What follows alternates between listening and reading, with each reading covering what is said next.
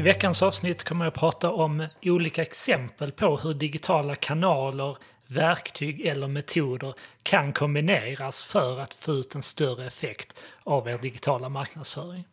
Så att vad jag ser ibland är att företag lägger alla ägg i samma korg. Man kanske bara tänker att nu ska vi börja annonsera i Google eller nu ska vi aktivera våra säljare på LinkedIn eller nu ska vi börja med content marketing och så vidare.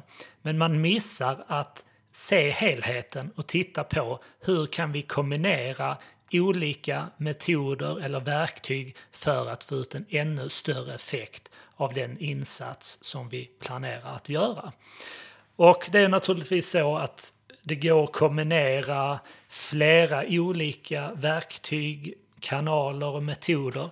Men jag tänkte i det här avsnittet ge exempel på sju kombinationer där vi kombinerar ett verktyg eller en kanal eller en metod med en annan kanal eller en annan metod eller ett annat verktyg.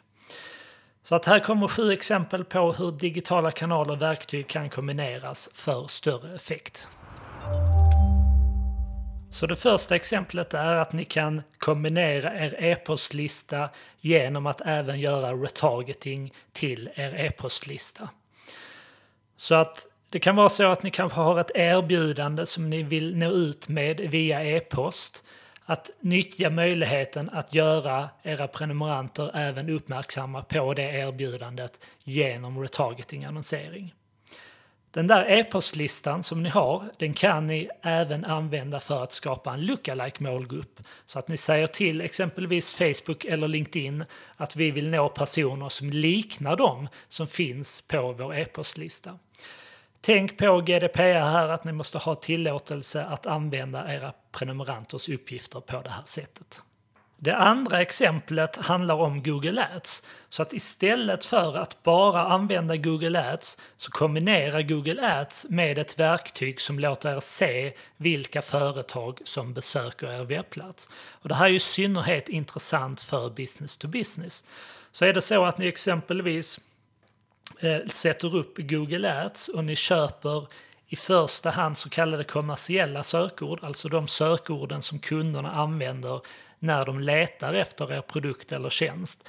Så kombinera det med att implementera ett verktyg som exempelvis Leadfeeder, det finns andra verktyg med motsvarande funktionalitet. Så att ni ökar sannolikheten att ni inte bara får in leads via exempelvis ett formulär utan att ni även kan identifiera företag som har visat intresse för de här sökorden, alltså för era produkter och tjänster som ni sedan exempelvis kan bearbeta mer traditionellt via telefon och e-post. Det tredje exemplet hänger lite ihop med detta så att vi kan använda verktyg för att identifiera vilka företag som exempelvis besöker de sidor där vi presenterar våra produkter och tjänster. Och sedan i nästa steg så använder vi LinkedIn Campaign Manager för att göra riktad annonsering till utvalda personer eller utvalda titlar på de företag som det gäller. Så ett konkret exempel här kan vara att vi eh, gör olika aktiviteter som driver intresse, som driver trafik till vår hemsida. Vi identifierar vilka de företagen är och sen har vi en kampanj på LinkedIn som vi riktar till exempelvis beslutsfattare på de företagen som vi ser har visat intresse för våra produkter och tjänster. På tal om LinkedIn, det fjärde exemplet är att kombinera annonsering på LinkedIn till de målgrupper som ni vill nå och samtidigt aktivera säljarna genom deras personliga profiler på LinkedIn. Så tittar man på en företagssida på LinkedIn så är det ganska svårt att nå ut organiskt. Däremot har vi en fantastisk möjlighet att genom LinkedIns annonsverktyg nå beslutsfattare på de företagen som vi vill komma in på.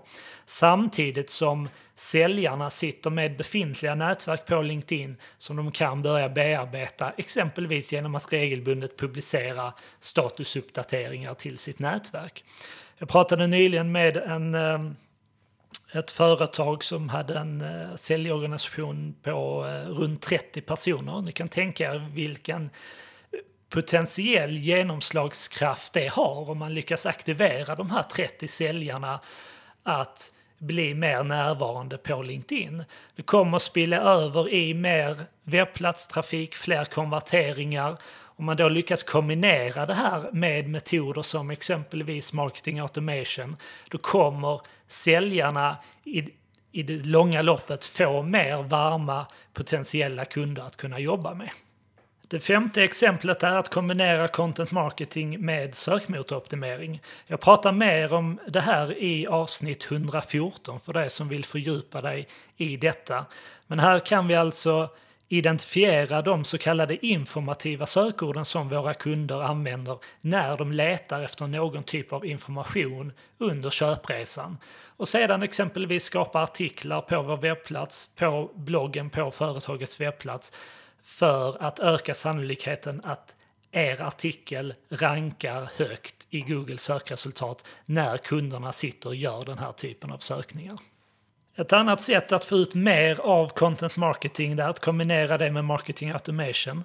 Alltså att ni gör det möjligt för de som konsumerar ert innehåll på er webbplats att få ta del av mer innehåll genom att lämna ifrån sina kontaktuppgifter eller sin e-postadress. Så ni vill ha i grund och botten ett marketing automation-verktyg och sen jobba med white papers, e-böcker, den här typen av material som man brukar nämna. Så att ni tar tillvara på den trafiken som er content marketing genererar. Jag har sett exempel på företag som har dragit igång content marketing-projekt, de har börjat producera innehåll på sin webbplats, men sedan märker de att ingenting händer. Och då kan ett problem i ett sådant scenario vara att man inte använder något sätt för att identifiera och kunna få kontakt med de här personerna som konsumerar innehållet. Likadant där kan ett verktyg som Leadfeeder som jag nämnde tidigare vara intressant för att se vilka företag som visar intresse för ett visst ämne. Men även då marketing automation där vi får möjlighet att gå ner på individnivå för att se hur individer hos potentiella kunder konsumera vårt innehåll. Mitt sista exempel som jag vill nämna i det här avsnittet eh, riktar sig framförallt till dig som är intresserad av hur du kan använda LinkedIn för att få kontakt med potentiella kunder. Så vad väldigt många säljare gör som misstag på LinkedIn är att de skickar opersonliga kontaktförfrågningar till potentiella kunder när den kontaktförfrågan accepteras så skickar man direkt ett säljbrev till den här potentiella kunden. Medan jag tycker det finns flera olika, och, eller flera bättre sätt att använda LinkedIn för att få kontakt med potentiella kunder. Och det kan vara så pass enkelt som att göra något, någon form av avtryck innan du skickar en kontaktförfrågan eller innan du skickar ett personligt meddelande till en potentiell kund. Det kan exempelvis vara att bevaka eh, vad dina kunder pratar om på LinkedIn för att använda den, det inlägget eller den informationen som en anledning att skapa kontakt eller att skicka ett meddelande. Det kan vara så att du gör en kommentar på det inlägget, du väntar till du får respons och därefter skickar du kontaktförfrågan. Det som händer då det är, är, att din kontaktförfrågan kommer inte att komma från tomma intet. Det kommer inte bara plötsligt dyka upp en kontaktförfrågan från en okänd person eh, hos den som du då försöker skapa kontakt med, utan det har skett någon form av dialog eller interaktion innan du skickar den kontaktförfrågan eller innan du skickar det där meddelandet. Ett annat sätt att använda social selling det är att kombinera omvärldsbevakning med skräddarsydda inlägg på LinkedIn. Jag ska förklara hur det fungerar. Då ska du regelbundet göra din omvärldsbevakning på de företag och på de marknaderna som är intressanta för dig. När du identifierar en person i din omvärldsbevakning som du vill få kontakt med så kan du skriva ett inlägg på LinkedIn om den artikeln eller om det som det, kring det ämnet som den här personen förekommer i. Tagga den personen i det här inlägget. Och det är såklart så att du skriver ett positivt inlägg. Det är en, en positiv... Eh, ditt inlägg ska ha en positiv karaktär. Du taggar den här personen och det innebär att den här personen kommer att se att du har taggat den här personen i ett inlägg. Och där möjliggör du för en interaktion i form av att den personen gillar, kommenterar, kanske till och med delar ditt inlägg. Likadant där, därefter kan du öppna en dialog, en, en, privat dialog med den här personen och då har du också något att hänga upp den dialogen kring. Alltså det som det inlägget handlade om som du delade.